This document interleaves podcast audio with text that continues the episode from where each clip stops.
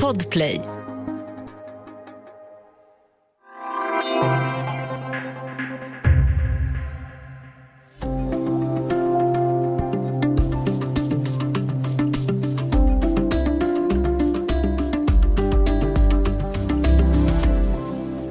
I New York hyllades guvernören Andrew Cuomo under förra året för sin empatiska och resoluta hantering av pandemin. Nu är allt förändrat. Skandalerna avlöser varandra och Cuomo slåss för sitt politiska liv. Välkommen till Studio DN. Jag heter Sanna Thorén Björling.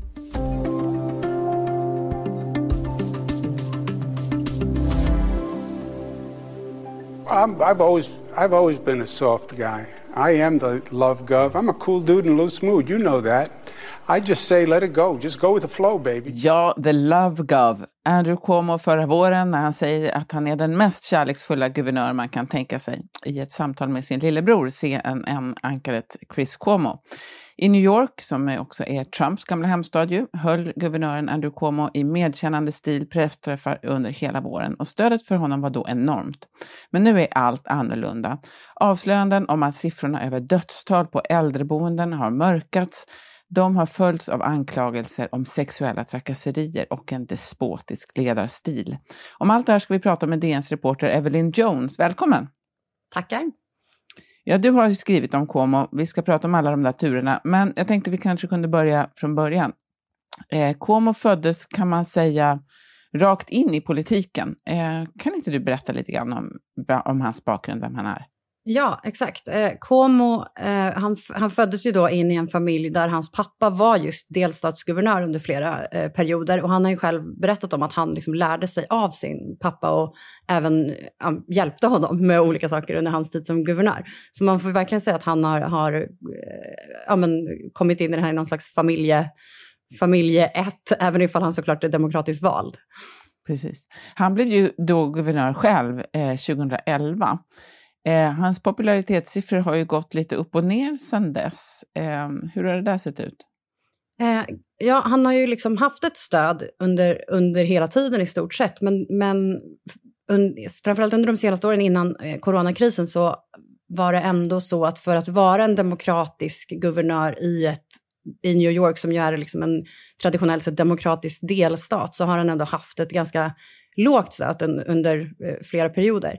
Eh, och han har fått en hel del kritik av sina partikamrater i det demokratiska partiet i New York också, bland annat för att han då har uppfattats som despotisk, eller liksom, det är lite olika saker, men så här, han, han, har fått kritik för att han har varit för självcentrerad, han har, varit för, han har haft för mycket kontrollbehov, ja, och, eh, så att han har liksom inte varit helt populär. Just det. Och när pandemin bröt ut, då var ju New York eh, tidigt en av de platser i USA som drabbades hårdast. Nu har man 1,7 miljoner konstaterade fall, 48 000 döda. Det, man har också bland de högsta dödstalen per 100 000 invånare. Eh, Cuomos presskonferenser där i början, de drog ju en enorm publik och fick väldigt mycket uppmärksamhet. Det kunde låta så här. Let's respond to the uh, president. Uh, first of all, if he's sitting home watching TV, maybe he should get up and go to work, right? And I don't need the President of the United States to read the Constitution for me. Maybe he should have read the Constitution before he said he had the power to open the states. Ja, han kontrasterar sig ju själv här mycket eh, mot Trump. Va, hur stor betydelse tror du att det där hade, att han var någon helt annan än Donald Trump?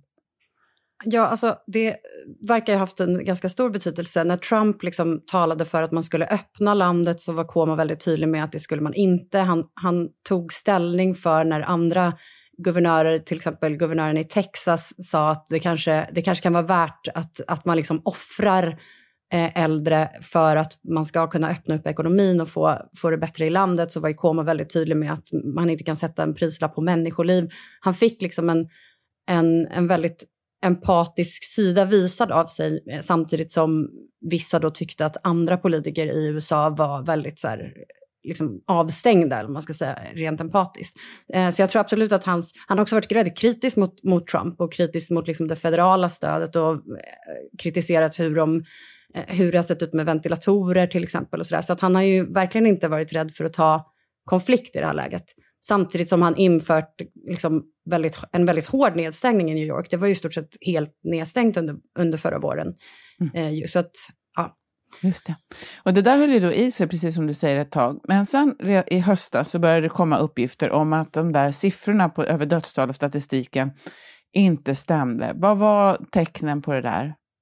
Ja, det var ju det att um, man hade ett, ett dödstal bland eh, liksom, äldre som hade bott, bott på äldreboenden eh, som, som var på ett sätt, men sen så upptäckte då delstatsåklagaren att eh, de där siffrorna verkade inte riktigt stämma, för man hade inte räknat med de som kom från äldreboenden men dog på sjukhus. Eh, men de har ju i så fall ändå liksom smittats på äldreboenden. Och det satte man då i, eller liksom man jämförde det med en policy som också införts i New York där man, där man sagt att man skulle skicka tillbaka människor som var covid-smittade från sjukhus, så att de inte skulle bli överlastade till äldreboenden, vilket i så fall skulle ju kunna leda till en större smittspridning på äldreboenden och alltså fler dödsfall egentligen. Och då mm. visade det sig sen till slut eh, när de offentliggjorde uppgifter om just eh, hur många som hade bott på äldreboenden som faktiskt hade dött, att siffran var liksom 40 procent högre än den som hade rapporterats av administrationen i delstaten. Har, har man erkänt det här? Jag menar, siffror är ju inte så lätt alltid, det vet vi ju också, att man kanske inte alltid kan jämföra siffror med varandra. Eh, vad har man svarat på just det här med, med siffrorna? Eh, Cuomo har ju tagit ansvar för det, för det eh, delvis, men, men framförallt sagt att problemet är att man inte har eh, gått ut med tillräckligt mycket information och att det då skulle kunnat starta konspirationsteorier och liksom med så tvivel kring hur man har hanterat pandemin. Så han har väl både tagit ansvar och inte tagit ansvar på samma gång, eller vad man ska säga. Lite grann skyllt ifrån sig kan man säga också. Eh, vi ska alldeles strax prata lite mer om anklagelser också av sexuell natur.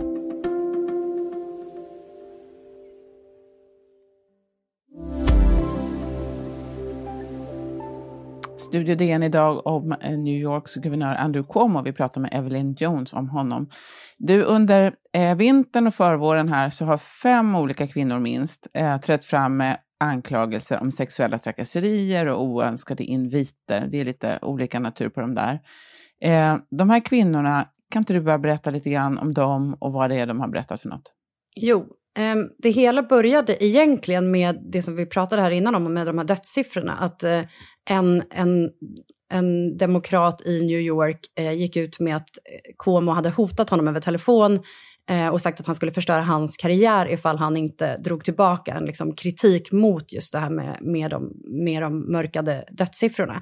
Men det fick då till följd att en kvinna som arbetat för Andrew Cuomo eh, gick ut i ett blogginlägg på sajten Medium där man liksom publicerar olika blogginlägg och berättade då om hur han hade kommit med sexuella inviter eller till exempel eh, frågat henne om hon ville spela klädpoker var en av de sakerna som hon berättade om han hade gjort. Och att det hade, när hon hade arbetat med honom så hade det förekommit liksom den typen av samtal som kanske en chef inte bör föra med sina medarbetare. Eh, och ganska kort efter det så, så trädde ju liksom ytterligare en person som hade jobbat för Como fram och berättade liknande historier om att han ska liksom ha frågat ut henne om hennes sexliv och frågat om hon gillade äldre män och liksom, ja, den typen av konversationer som eh, kanske inte är helt eh, appropriate för att prata engelska eftersom han gör Just det. Ja, och hittills är det i alla fall inga anklagelser om grova sexuella övergrepp. Det är mera saker han ska ha sagt och han ska ha kysst någon på kinden eller tagit någon kvinna på ryggen, men inga grova övergrepp. Como själv teg ju länge om det här, men nu har han bett om ursäkt och sagt att han är ledsen om han har gjort någonting som uppfattas som olämpligt. I'm sorry. I'm sorry for whatever pain I caused anyone. I never intended it. Uh, and I will be the better for this experience. Ja, eh, Evelyn, hur har det där tagits emot? Mm, inte jättebra. Eh, från början så var det ju så att Cuomo eh, liksom tog en paus från sina presskonferenser och var helt tyst ett tag. Och sen när han första gången uttalade sig så var det inte direkt en ursäkt. Liksom. Det här var ju i alla fall en ursäkt, men det är ju mer då att han inte har förstått vad han har gjort och så här. Så att människor i, ja, men han, hans partikollegor till och med har ju varit så här, men är det här verkligen en ursäkt? Eh, så att, så att hans stöd har väl, vad jag förstår, inte riktigt gått upp efter, efter att han ursäktade sig. Nej, det har heller i och för sig inte helt rasat eh, fullständigt, eller hur? Alltså, Nej, precis. Är, han har fortfarande ganska stort stöd bland folk i New York. Ja, det är fortfarande, och det är det han själv har sagt också, för nu under de senaste dagarna så har kritiken eh, bland hans partikollegor då växt.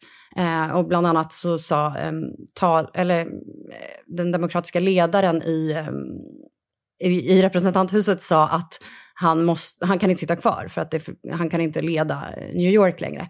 Ehm, men Cuomo själv menar ju då att eftersom att han har ett så starkt stöd hos just medborgarna i New York så vore det antidemokratiskt för honom att lämna på grund av anklagelser eh, mot honom. Så att han, än så länge har ju han tycker ju uppenbarligen att han har stödet från sina väljare och vill liksom inte föregå någonting med att, med att hoppa av nu. Just det. Och det är ju också så att det, nu pågår ju flera utredningar här parallellt. Eh, FBI och federal åklagare tittar på hur det här med hur pandemin hanterades och eh, hur det är med de här siffrorna och vad New York verkligen gjorde och inte gjorde. Eh, och han har också blivit av med en del eh, befogenheter eh, att fatta exekutiva beslut som rör pandemin och så. Och sen har man eh, från eh, New Yorks eh, Attorney General har utsett en advokatbyrå för att utreda anklagelsen om sexuella trakasserier. Det vill man göra då oberoende av myndigheten själv.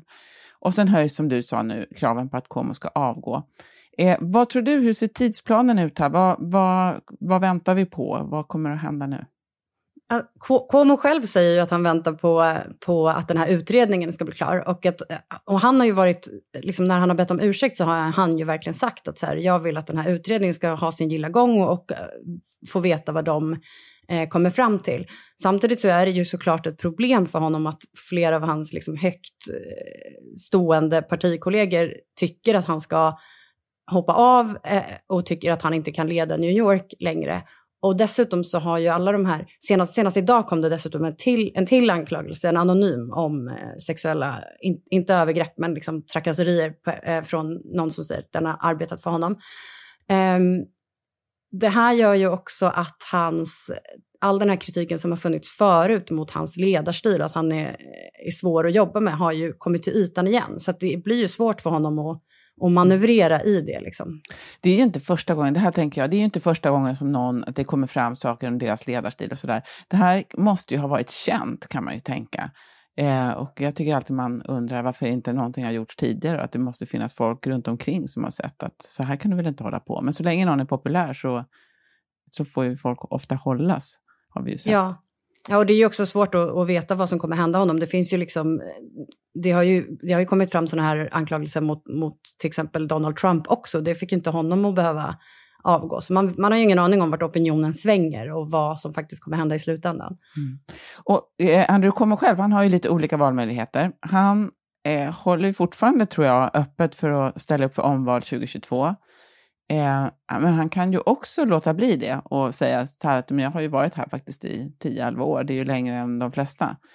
Eh, vad skulle du säga, vilka alternativ har han? Ha, eh, vad jag förstår så har han ju än så länge sagt att han ska ställa upp i nästa val. Um, så, så, och sen så lär väl man se ja, delvis vad den här utredningen kommer fram till. Och han, han kommer väl antagligen manövrera det här för att se hur, hur hans opinion ser ut när valet närmar sig. Liksom.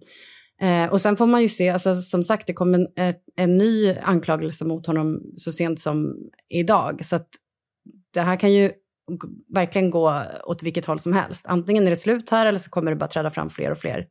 Precis, han kan ju också bli utmanad av, av eh, andra, till exempel Letitia eh, James som är eh, eh, delstatsåklagare, kanske ställer upp i valet. Det vore ju pinsamt för honom om han eh, förlorar eh, i en utmaning. Ja, det är, och det är ju flera, i amerikanska medier så spekuleras det ju jättemycket om vem som skulle kunna utmana honom och man, man rapporterar om liksom olika personer som kanske ser sin chans nu eftersom att han ändå har suttit så länge och tidigare så har det väl inte liksom varit så stor anledning till att, till att utmana honom men nu kanske den kommer när han liksom är svag.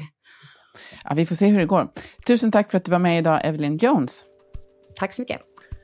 Studio DN görs för Podplay av producent Sabina Marmelakai, exekutiv producent Augustin Erba, ljudtekniker Patrik Miesenberger och teknik Jonas Lindskog, Bauer Media. Jag heter Sanna Thorén Björling.